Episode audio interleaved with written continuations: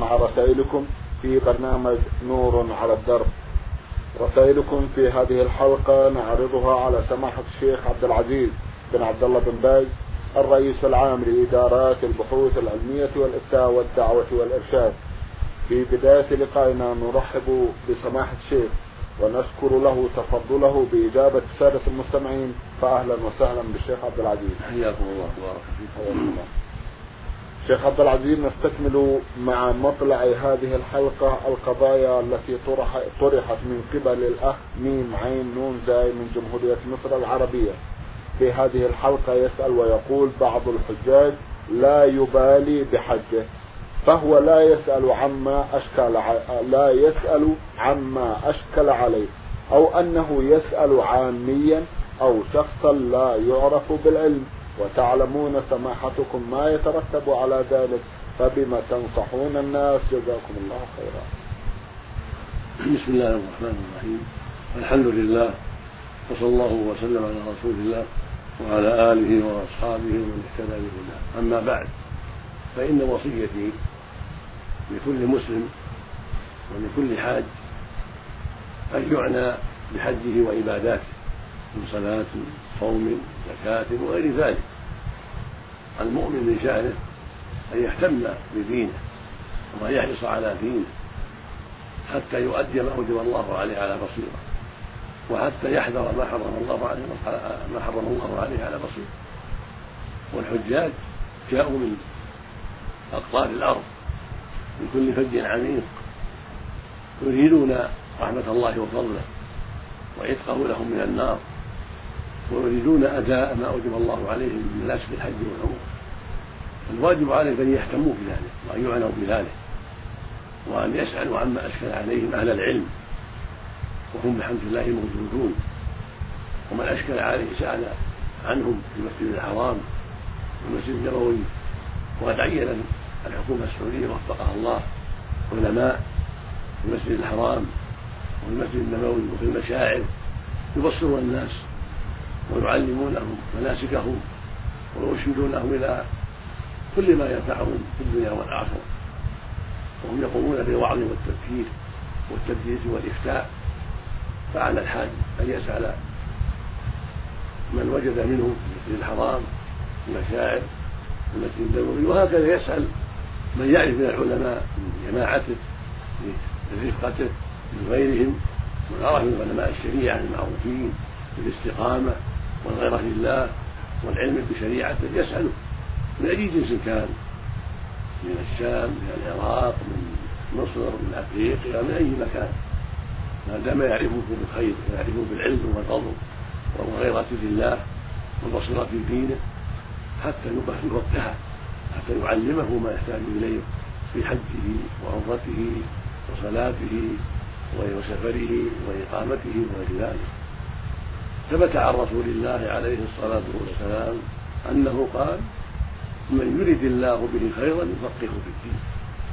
متفق على صحته هذا يدلنا على أن من علامات الخير ومن علامات التوفيق للعبد أن يفقه في دين الله وأن يتبصر في دين الله.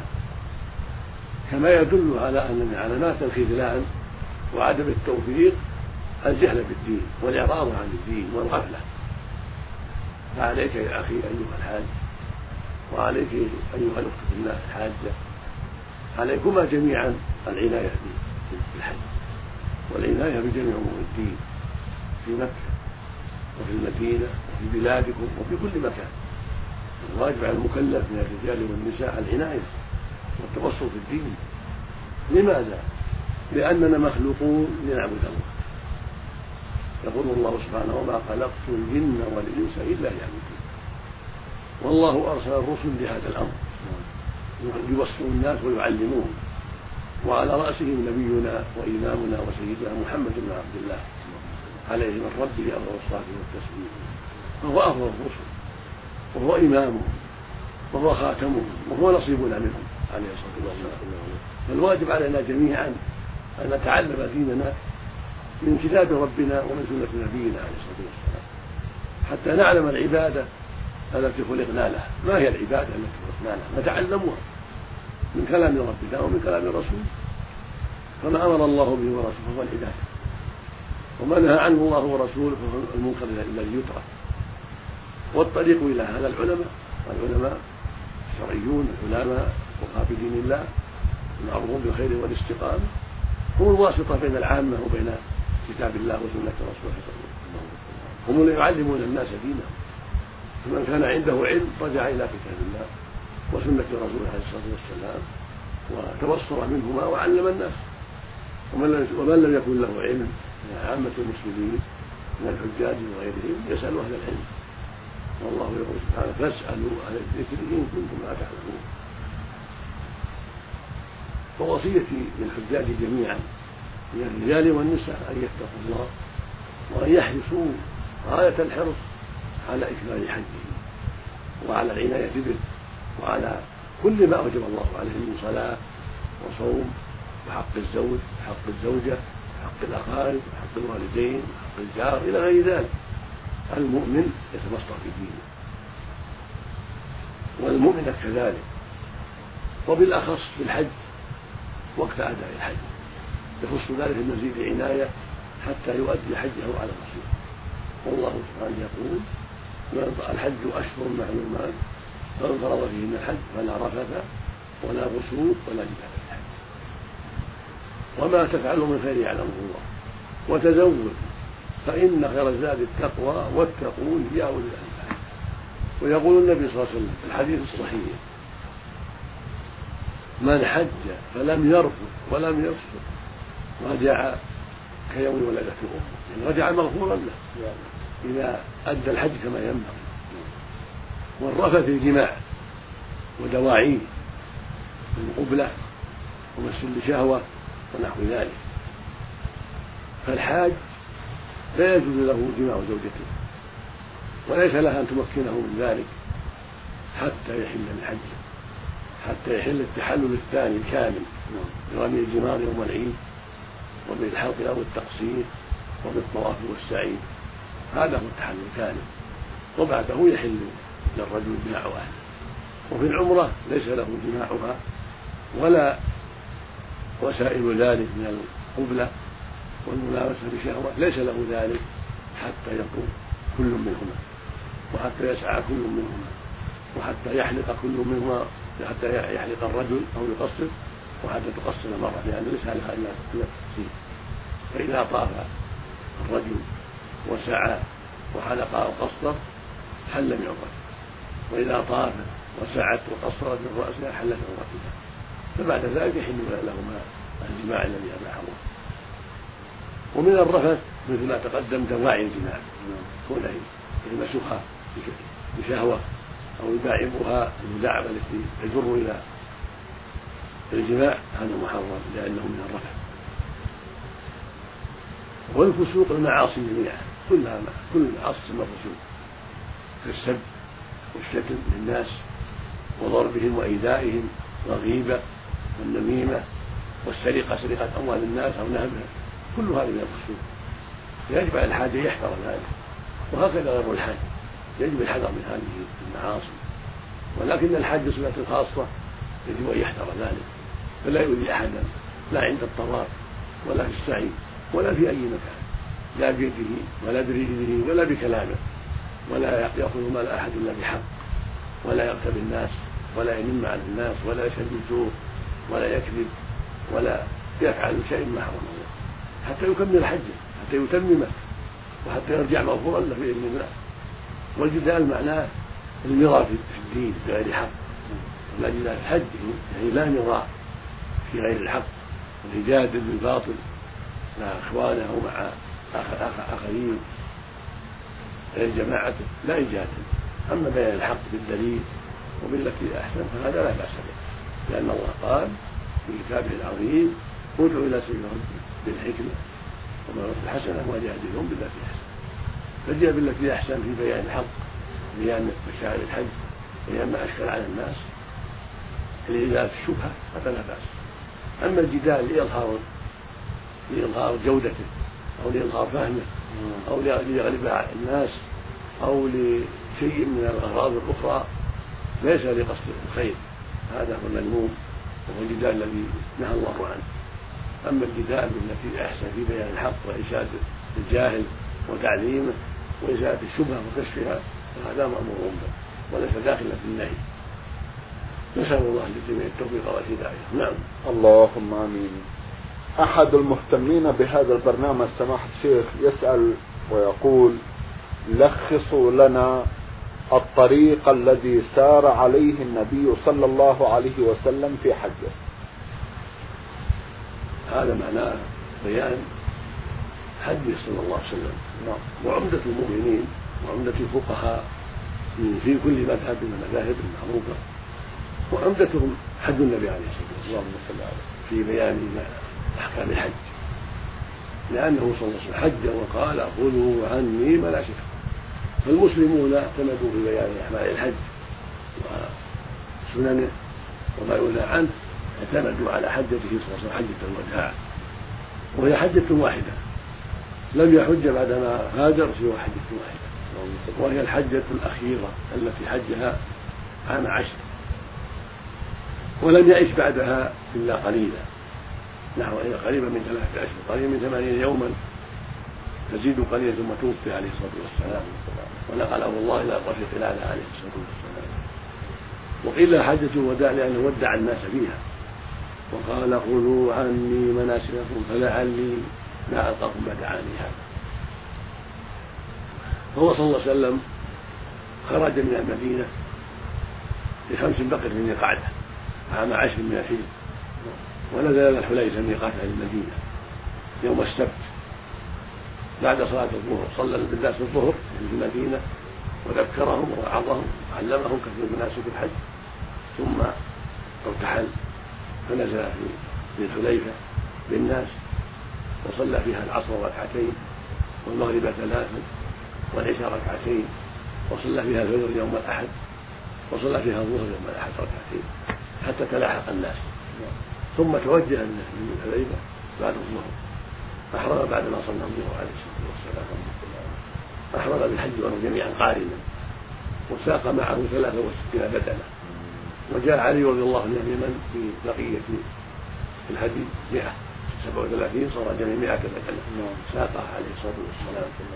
وكان عند ما بعد ما صلى الظهر بعد ما لبس الإزار والرداء وبعد الغسل والتطيب فلبى بقوله اللهم لبيك عمرة وحج عليه الصلاة والسلام بعدما اغتسل بعدما لبس الإزار والرداء بعدما طيبته عائشة بطيب طيب من المسك بعد ذلك هذا بعدما ركب دابته هذا هو السنة. إذا أتى الميقات يغتسل ويتطيب ويلبس إزاره ورداء كان رجلا وتلبس ملابس المرأة التي تريد والأفضل تكون ملابس ما تلفت النظر ملابس غير جميلة حتى لا تلفت النظر. فإذا فرغ كل منهما من ذلك ركب دابته أو السيارة ثم لبى هذه السنة.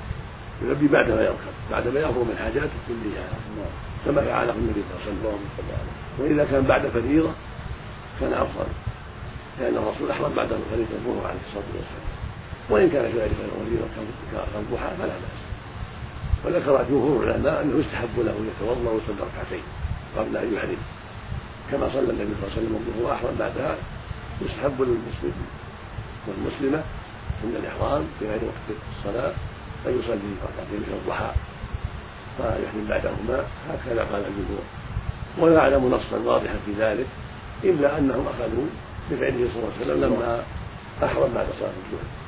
ولأنه جاء في حديث صحيح رواه البخاري أن النبي صلى الله عليه وسلم قال أتاني آت من ربي؟ فقال صل في هذا الرجل وقل عمرة في حجه قال بعض أهل العلم أن هذا بعمومه يدل على شرعية الصلاة عند الإحرام ولكنه ليس بصريح لأنه يحتمل أن المراد الصلوات الفريضة التي صلاها عليه الصلاة والسلام فالحاصل أن في هذا واسع إن كان بعد فريضة فهو أفضل إذا وافق فريضة. وإن لم يوافق فريضة فإن كان إحرامه مثلا الضحى.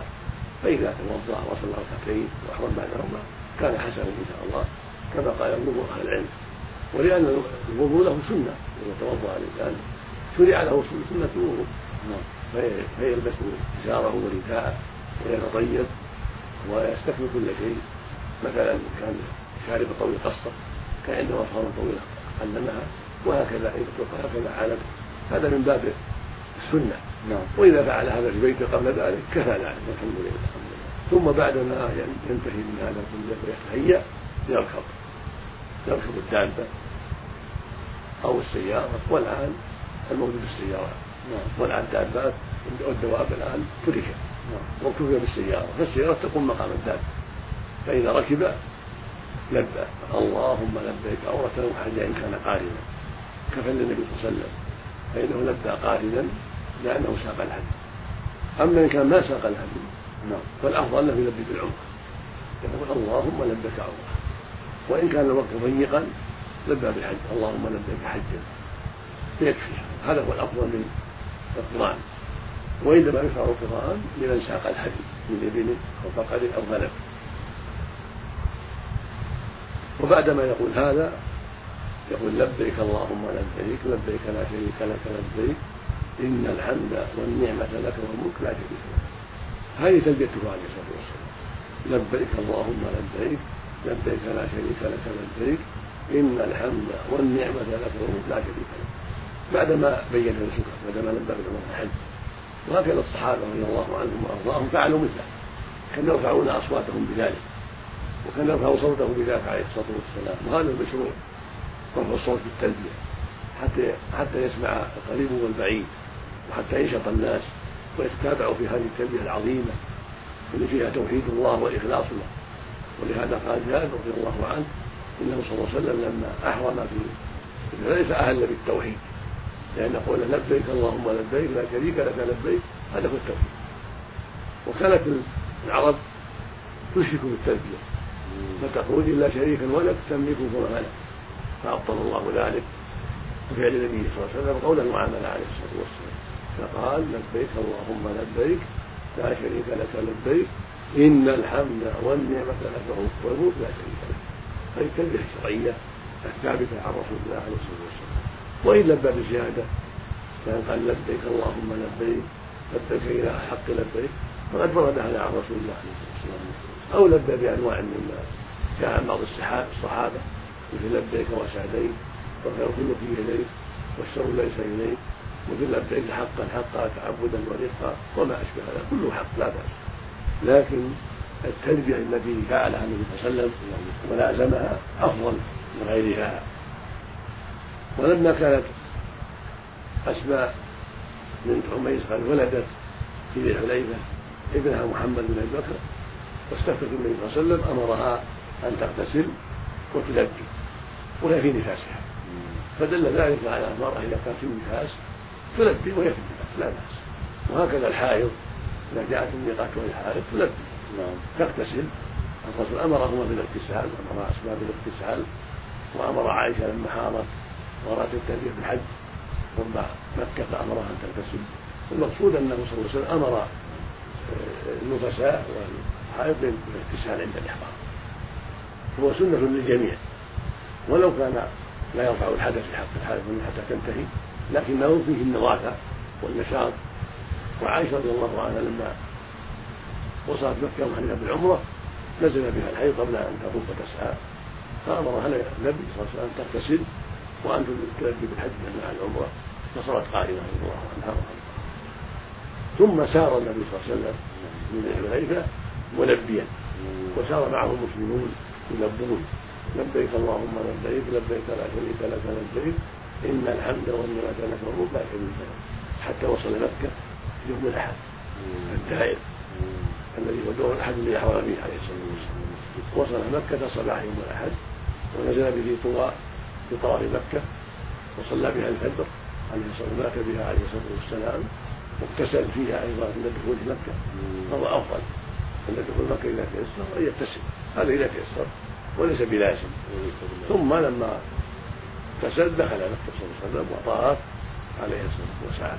يوم الأحد عليه الصلاة والسلام. رابع ذي الحجة. رابع شهر ذي الحجة. عام عشر من الهجرة. طاف وسعى وبقي على إحرامه لأنه قال ومعه الهدي. فلم يحل إلا يوم النحر عليه الصلاة والسلام. وأما الصحابة الذين معه فمن كان معه الهدي فعل فعله. طاف وسعى وبقي على إحرامه. فلم يحل إلا يوم النحر. وأما الذين ليس معهم هدي وقد لبوا بالحج أو بالحج الله جميعا فإنه صلى الله أمرهم ان يجعلها عمره وأن يفسخوا احرامهم بالحج وبالحج والعمرة إلى إلى أمرهم أن يجعلوها عمره مفرده فطافوا وسعوا وقصروا وحلوا بامره عليه الصلاة والسلام. ومن كان معه الهدي بقي على إحرامه مع النبي صلى الله عليه وسلم.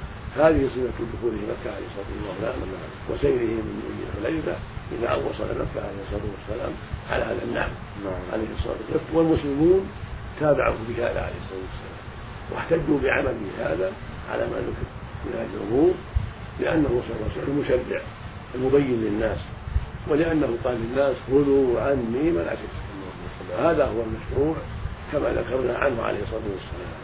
ويأتي إن شاء الله بيان بقية أعماله صلى الله عليه وسلم لما توجه إلى منى وتوجه المسلمون يأتي إن شاء الله في حلقات نعم. إن شاء الله جزاكم الله خيرا. إذا ننتقل إلى مواضيع أخرى حول الحج. جزاكم الله خيرا. وفي الحلقات القادمة نستكمل صفة حج النبي صلى الله عليه وسلم. آه نسأل لو تكرمتم كما يسأل السادة المستمعون عن قول الحق تبارك وتعالى إن الصفا والمروة من شعائر الله. فمن حج البيت أو اعتمر فلا جناح عليه أن يطوف بهما. الآية ولما ذكر الجناح في هذه الآية بالذات. يقول الله سبحانه إن الصفا والمروة من شعائر الله. الصفا والمروة جبلان معروفان. في مكة في طرفي المسعى من شعائر الله المعالم دينه ومن حج البيت أو اعتمر فلا جناح عليه الطوف بهما فكأن السائل يستشكل كيف يقال فلا جناح مع أن العبد مأمور بذلك مر عليه يسعى. والجواب عن ذلك أن المسلمين تحرجوا من السعي بين لأن في الجاهلية كانت تسعى بين الصفا والمروة.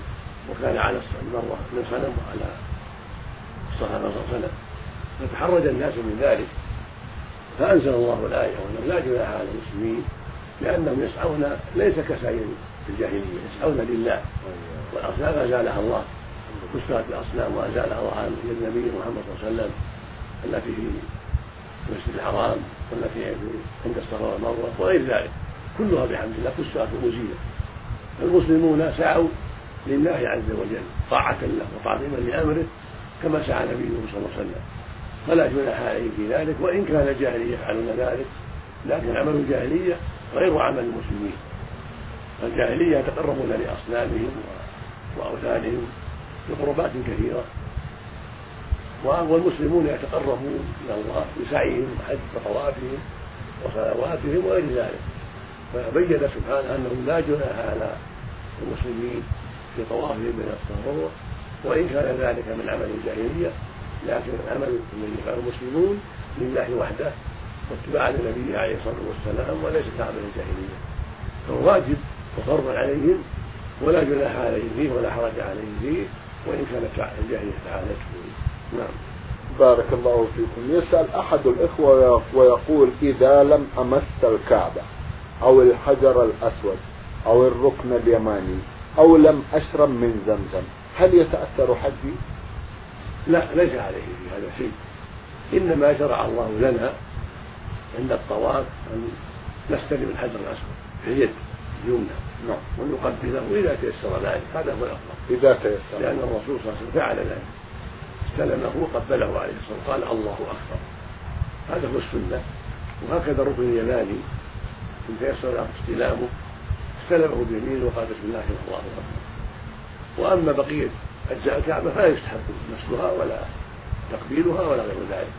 إنما يطوف على الكعبة وعلى الحجر من وراء الحجر حتى يكمل السبعة الأشواط كل ما حاز الحجر الأسود قبله واستلم إذا تيسر من دون زحام ولا مشقة وكل ما حاز الركن اليماني كذلك استلمه من دون تقبيل.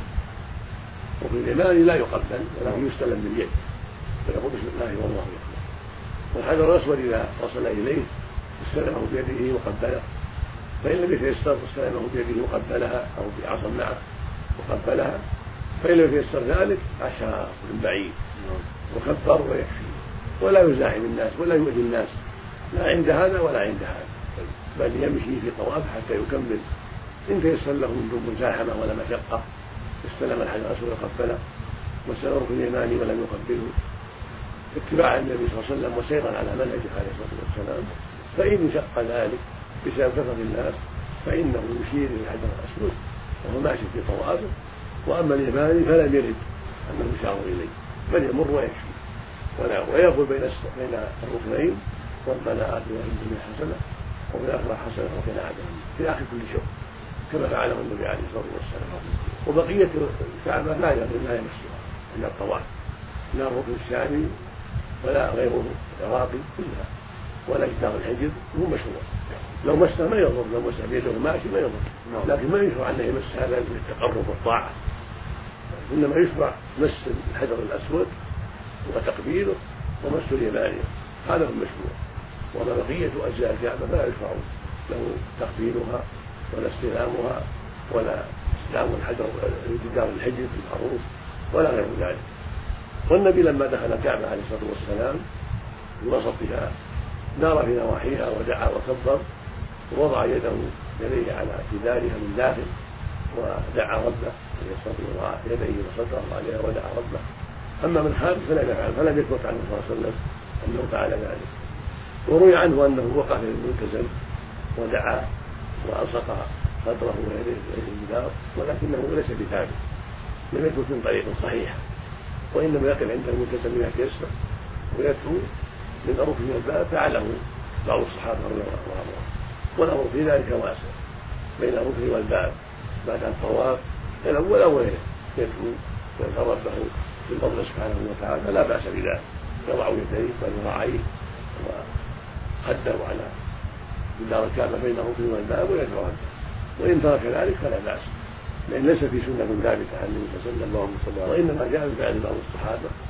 وروي في حديث مرفوع لكن بسببه ضعف فالامر فيه واسع إن شاء الله. وأما بقية مقام الكعبة نعم. فلا يستحب للطائف. ان يستلمها أو يصلح صدره بها أو بالكسوه كلها غير مشروع. نعم. اذا الزحام الشديد الذي يصوره سماحتكم يعتبر آه، غير مشروع وذلك من أجل تقبيل الحجر الأسود أو لمسه. يعني عذر يكون عذرا في ترك السنة أيوه. ولا سيما النساء. النساء اخطر لا يزاحمن لا عند ركن اليماني ولا عند الحجر الاسود بل يكون في أطراف المطاف حتى لا يزاحمن الناس لأنهن فتنة وعورة. نعم. فالأمر في حقهن أشد. فلا يزاحمن الرجال لا عند الركن اليماني ولا عند الحجر الأسود ولا في غير ذلك بل يكون في اطراف المطاف. يكون ذلك أسلم لهن وأسلم للناس. والزحام عذر للجميع. لا يزاحم الزحام الذي يشق عليه وعلى الناس. بل يمشي مع الناس بالهدوء ولا يؤذي أحدا لا من الرجال ولا من النساء. كل واحد الحجاج يتحرى ذلك يحرص يحرص جدا على أنه لا يؤذي احدا من الناس. لا في الطواف ولا في السعي. لا عند الحجر الأسود ولا عند اليماني يحرص جدا أنه لا يؤذي احدا ولو لم يقبل الحجر ولو لم يستلم تكون اليماني يكفيه ذلك والحمد لله. نعم. جزاكم الله خيرا. أحد الإخوة المستمعين يسأل أيضا سماحة الشيخ عن آه، غسل الإحرام إذا اتسع. هل يجوز للمحرم أن يفعل ذلك؟ نعم. إذا أحب أن يغسل إحرامه ولا سيما إذا اتسع فلا بأس. لا بأس أن يغسله ولا بأس أن يبدل في إحرام آخر. الرجل مرة. من أراد أن يبدل ملابس الإحرام بملابس أخرى جديدة أو غسيلة فلا بأس. من الرجال والنساء وهكذا لو توسخت يغسلها أو اصابها نجاسه يغسلها ثم يلبسها.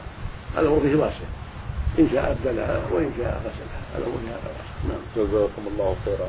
سماحة الشيخ في ختام هذا اللقاء أتوجه لكم بالشكر الجزيل بعد شكر الله سبحانه وتعالى على تفضلكم بالإجابة على ما طرح من قضايا في هذه الحلقة.